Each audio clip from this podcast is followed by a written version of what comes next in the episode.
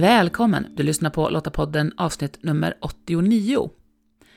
I den här podden samtalar vi om ämnen som rör mänskliga rättigheter och demokrati med fokus på kvinnors delaktighet. Och det gör jag, Maria Öst, tillsammans med personer som på olika sätt arbetar för att skapa ett säkrare och tryggare samhälle.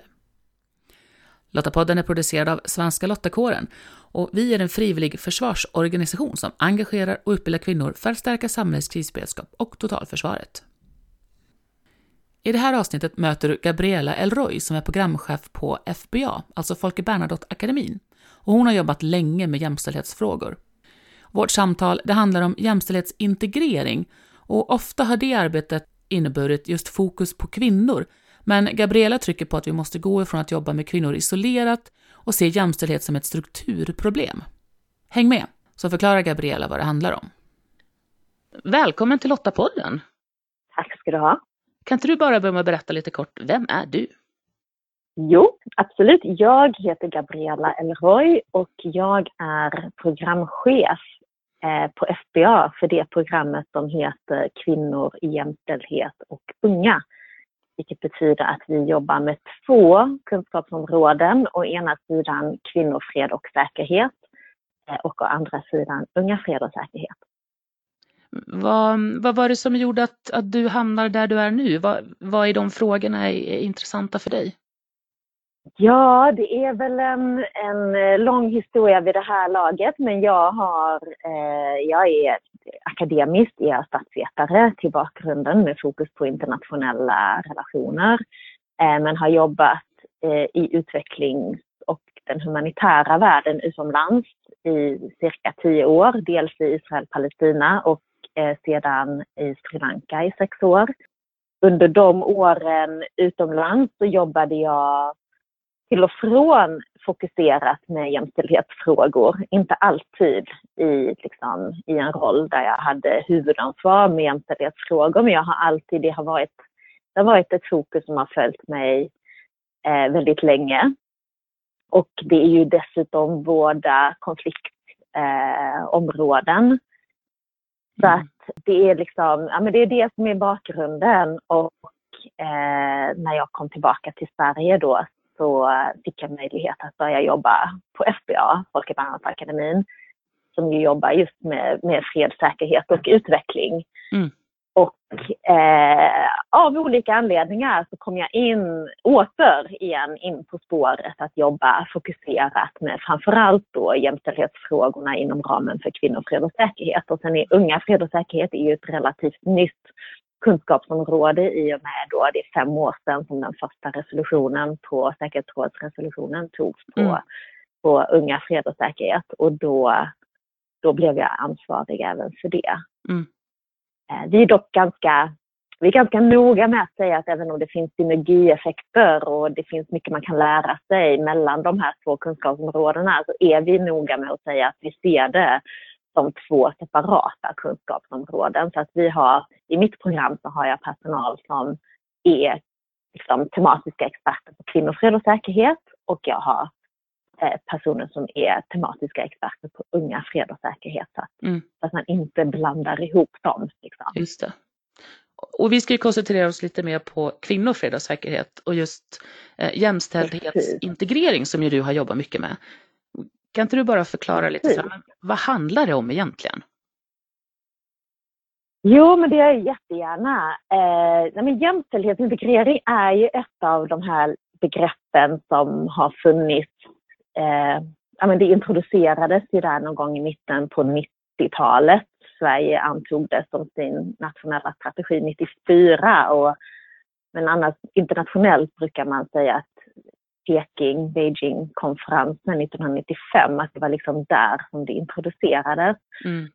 I grunden så innebar själva konceptet för jämställdhetsintegrering innebar någonstans att man man gick från att ha ett mer liksom, kvinnofokuserat språk när man pratade om jämställdhet till att säga att det inte det räcker inte med att jobba med kvinnor enbart. Man kan liksom inte jobba med kvinnor i isolering. Eh, utan, eller isolerat, utan man måste, man måste titta bredare och man måste förstå ojämställdhet som ett strukturellt problem. Mm som faktiskt berör både kvinnor och män och som handlar om både kvinnor och män. Sen att, att ojämställdhet generellt drabbar kvinnor i högre utsträckning, det gör att vi ofta måste också rikta resurser och rikta fokus just på just kvinnor. Men, men själva jämställdhetsintegreringen, alltså grundtanken där kom just att det handlar om det som vi brukar kalla för ett jämställdhetsperspektiv eller ett genusperspektiv. Mm. Men som strategi innebar det då också att, att det här är inte frågor som man kan jobba med i enskilda separata spår eller projekt utan att, att förstå ojämställdhet som det praktiskt sett oftast handlar om att göra, det måste man göra i alla vardagliga arbetsprocesser och, mm. och den förståelsen måste liksom in i allt vi gör eh, och inte vara liksom någonting som vi bara gör på måndagar mellan tre och fyra. Mm. Och sen fortsätter vi att liksom jobba eh, så. Så att jämställdhetsintegrering eh, betyder helt enkelt att man i vardagliga arbetsprocesser analyserar och förstår hur ojämställdhet ser ut och hur det påverkar det man försöker göra så att man i ofta ganska små liksom steg och små justeringar kan göra någonting åt det. Mm. Och, och, när jämställdhetsintegrering fungerar och det blir resultat, vad händer då? Ja, alltså målet för jämställdhetsintegrering är ju jämställdhet. Och i, i de definitioner som är de mest, alltså de mest antagna eller mest etablerade eh, så brukar man ju också då säga att jämställdhetsintegrering går hand i hand med de här mer jämställdhetsspecifika riktade åtgärderna. Men båda strategierna är ju till för att adressera ojämställdhet mm. eh, i syfte att nå jämställdhet. Mm. Eh, men jag brukar liksom försöka förklara att jämställdhetsintegrering just handlar snarare om att ta de här små successiva stegen i ordinarie verksamhet där mm. huvudsyftet med verksamheten oftast inte alls handlar om jämställdhet. Det. Eh, utan det handlar om allt annat som vi gör. Om mm. det nu är skapa bättre polisarbete eller om det handlar om att, att eh, bygga en bättre skola eller vad det nu må vara. Så, så är det liksom huvudrubriken och huvudsyftet. Men att förstå att jämställdhet eh, är någonting som man måste beakta inom ramen för det arbetet. Mm.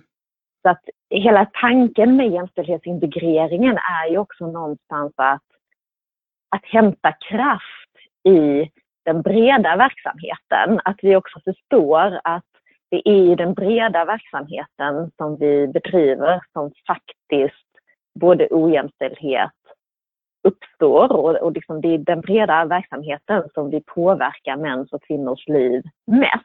Mm. Inte i de små, ofta marginaliserade projekten som bara då ofta riktar sig mot kvinnor. De är jätteviktiga och, och ibland, ibland kräver det ju verkligen att vi har riktade åtgärder för att liksom göra häv och för att rikta resurser och för att få in specialkompetens på ett visst område mm. för att adressera ett visst ojämställdhetsproblem.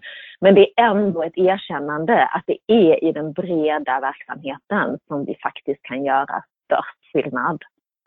Så är det helt enkelt så att vi har haft fokus på fel saker?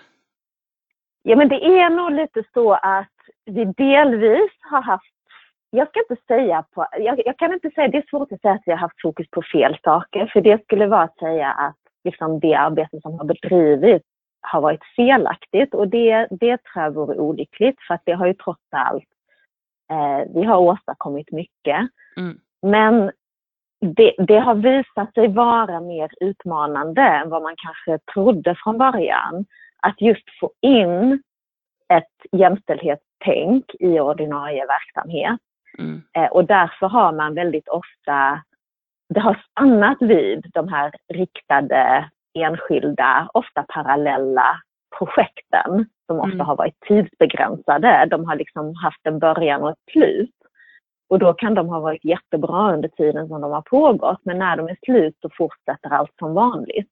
Ja, och vilket innebär att det inte då har fått en, en bredare, eller ofta, en bredare påverkan. Det finns naturligtvis många exempel på där det inte har varit så, men, men om man pratar generellt så, så det vi ser är att jämställdhetsarbetet har liksom blivit marginaliserat. Det är någonting som, som görs i marginalen av ett fåtal personer som driver de här frågorna, ofta väldigt passionerat och väldigt bra och gör väldigt bra saker.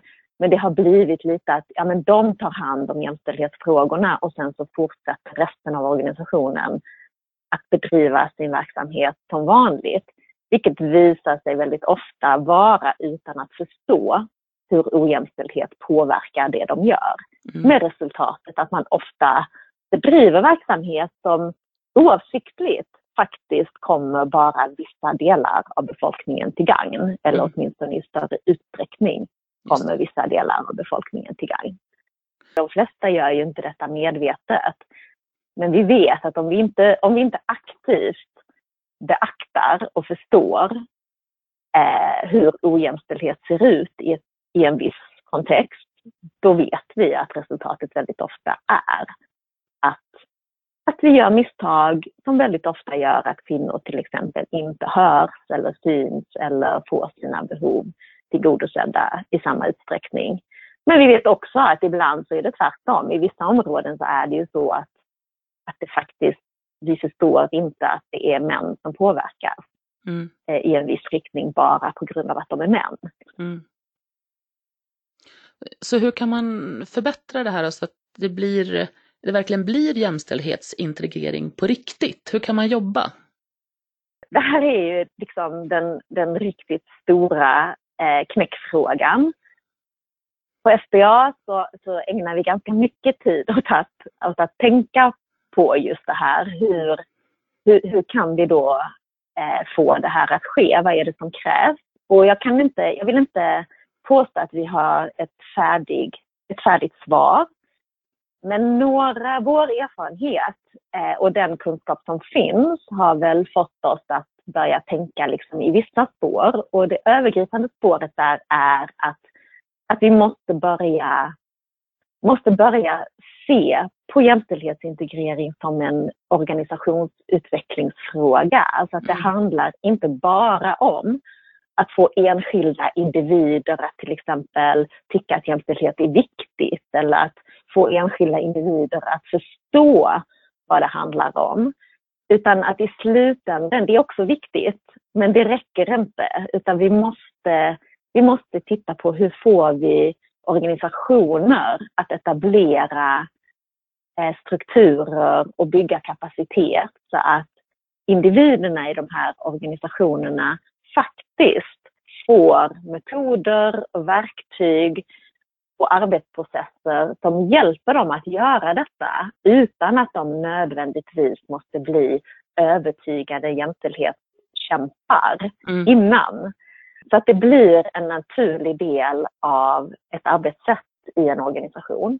Mm. Och när vi har börjat tänka så, då, då har det också gjort att vi har börjat tänka i termer av olika målgrupper i en organisation. Att man måste man måste verkligen tänka på liksom, vad ska olika personer göra i en organisation när det handlar om jämställdhetsintegrering. Att man måste bli tydligare med att, att faktiskt tala om för folk vad mm. är det man förväntar sig, vad är det de ska göra. Så vi tänker ju mycket i termer av tre nivåer. Det är naturligtvis förenklat, men att tänka, att tänka dels chefer och ledarskap. Mm. Eh, och det vet vi och det, det, det har man vetat ganska länge att, att cheferna är jätteviktiga för det här arbetet. Eh, och chefer är alltid viktiga för arbete när det handlar om organisationsförändring, så det säger mm. sig själv egentligen. Men jag tror att vi måste bli ännu bättre på att då förtydliga och tala om för chefer vad är det de förväntas kunna och vad är det de förväntas göra när det gäller jämställdhetsintegrering. Mm. Och att också vara tydliga med att det handlar inte om att de ska bli jämställdhetsexperter, utan det handlar om att de ska vara chefer och driva jämställdhetsarbetet. Mm. Eh, så det är liksom en nivå att ja, vi måste bli bättre på att faktiskt att svara på den frågan. Vad ska man göra som chef i det här arbetet på olika nivåer?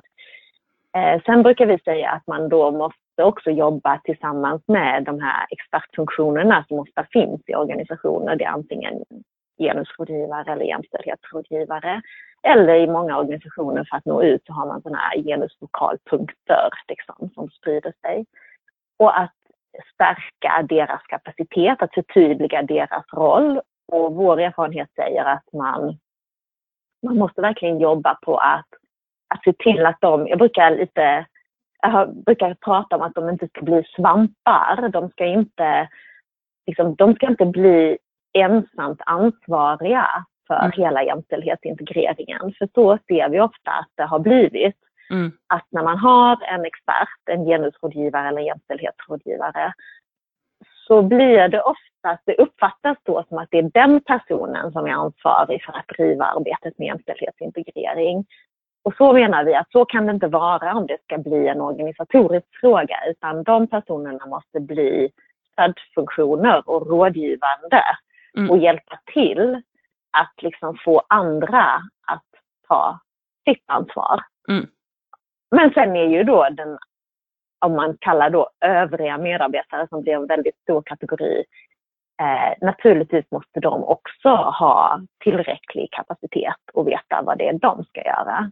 Mm. Så det, det är liksom vi, det, det är de nivåerna och det är liksom lite det grundtänket som vi har idag och som vi liksom fortsätter att utveckla. Men sen tror jag också att en viktig del i det hela är att om man, om man tittar på definitionen för jämställdhetsintegrering så är den ungefär att ett jämställdhetsperspektiv ska vara närvarande överallt hela tiden på alla nivåer av alla. Mm. Eh, och det är ju en ganska stor uppgift mm. eh, att, att få till. Vilket gör att många ofta känner Alltså man blir överväldigad. Så att det är ju mm. jätteviktigt att komma ihåg att även om det är visionen och det är målet så måste man ändå ta det i liksom små steg. Mm. Eh, vi vet att en organisation kan inte få till detta överallt hela tiden av alla, i alla delar. Liksom. Det går inte. Så man måste välja ut vad är de strategiska, liksom mest strategiska områdena som är kanske de viktigaste, där störst fokus finns just nu och börja någonstans. Mm. Och börja med, med konkret arbete, att påvisa vad betyder det att ha ett jämställdhetsperspektiv i en organisations olika delar. Men att man börjar i små steg så har vi jobbat tillsammans med en del partnerorganisationer och det, ja, det har visat sig vara väldigt bra för då kan man också kan man konkretisera ett begrepp och en, som är ganska diffust och som har fått väldigt många olika betydelser i olika sammanhang. Och jag, och jag tänker på det här då att, att faktiskt någonstans bli medveten om och lära sig att tänka just eh, jämställdhet i vardagen. Hur kan man göra det som enskild person, att någonstans börja träna sig? Men det är en jättebra fråga, för det handlar ju verkligen, jag tror att det är jätteviktigt att komma ihåg också att det handlar faktiskt om att just träna sig. Och, och det tror jag är ett viktigt budskap, att det måste också handla om att man får träna sig. Mm. Att har man inte lärt sig det här så kan man inte förvänta sig att, man, man kan inte förvänta sig att kunna det av sig själv. Eh, så det tror jag i sig är ett viktigt budskap. För ibland har det blivit lite av att eh, människor skäms för att de inte riktigt förstår och så hittar man på istället för att faktiskt ställa frågan, hur gör vi? Eh, och hur ska man tänka? Eh, och vi brukar i, i vårt arbete så utgår vi från en ganska enkel genusanalysmodell och genusanalys låter kanske också liksom stort och, eh, och svårt. Men den modellen använder vi oss för att liksom ställa några konkreta, för att liksom lära, att komma ihåg att ställa vissa konkreta frågor. Och då handlar frågorna väldigt ofta om att dels förstå vad män och kvinnor, pojkar, flickor gör. Eh, vilka ansvarsområden, vad, vad får de ansvar för?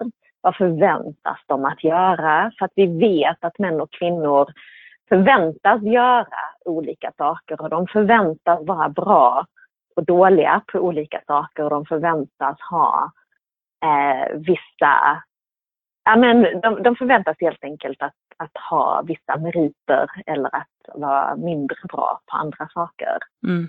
Och genom vad män och kvinnor förväntas göra så vet vi att män och kvinnor har olika tillgång till till exempel beslutsfattande eller olika tillgång till information eller de har olika tid att göra saker.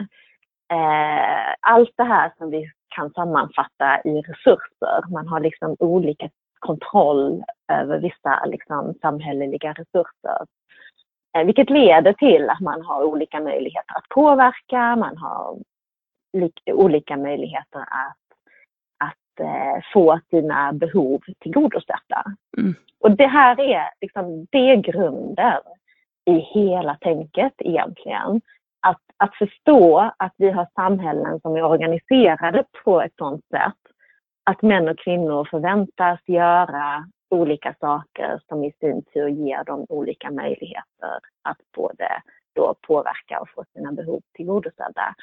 Eh, om man då övar, så då handlar det om att faktiskt öva sig att ställa frågor som, som kretsar kring den förståelsen. Att man, att man ställer sig frågor, vad är viktiga resurser i just den här kontexten? Mm. Om vi då tittar, eftersom det är jämställdhet vi pratar om, eh, när vi pratar om jämställdhetsintegrering, att också då ställa sig, men hur ser, hur ser tillgång och kontroll över de här viktiga resurserna ut för män och kvinnor? Eh, finns det någon skillnad? Det är ju inte alltid som det finns en skillnad. Eh, men väldigt ofta finns det en skillnad.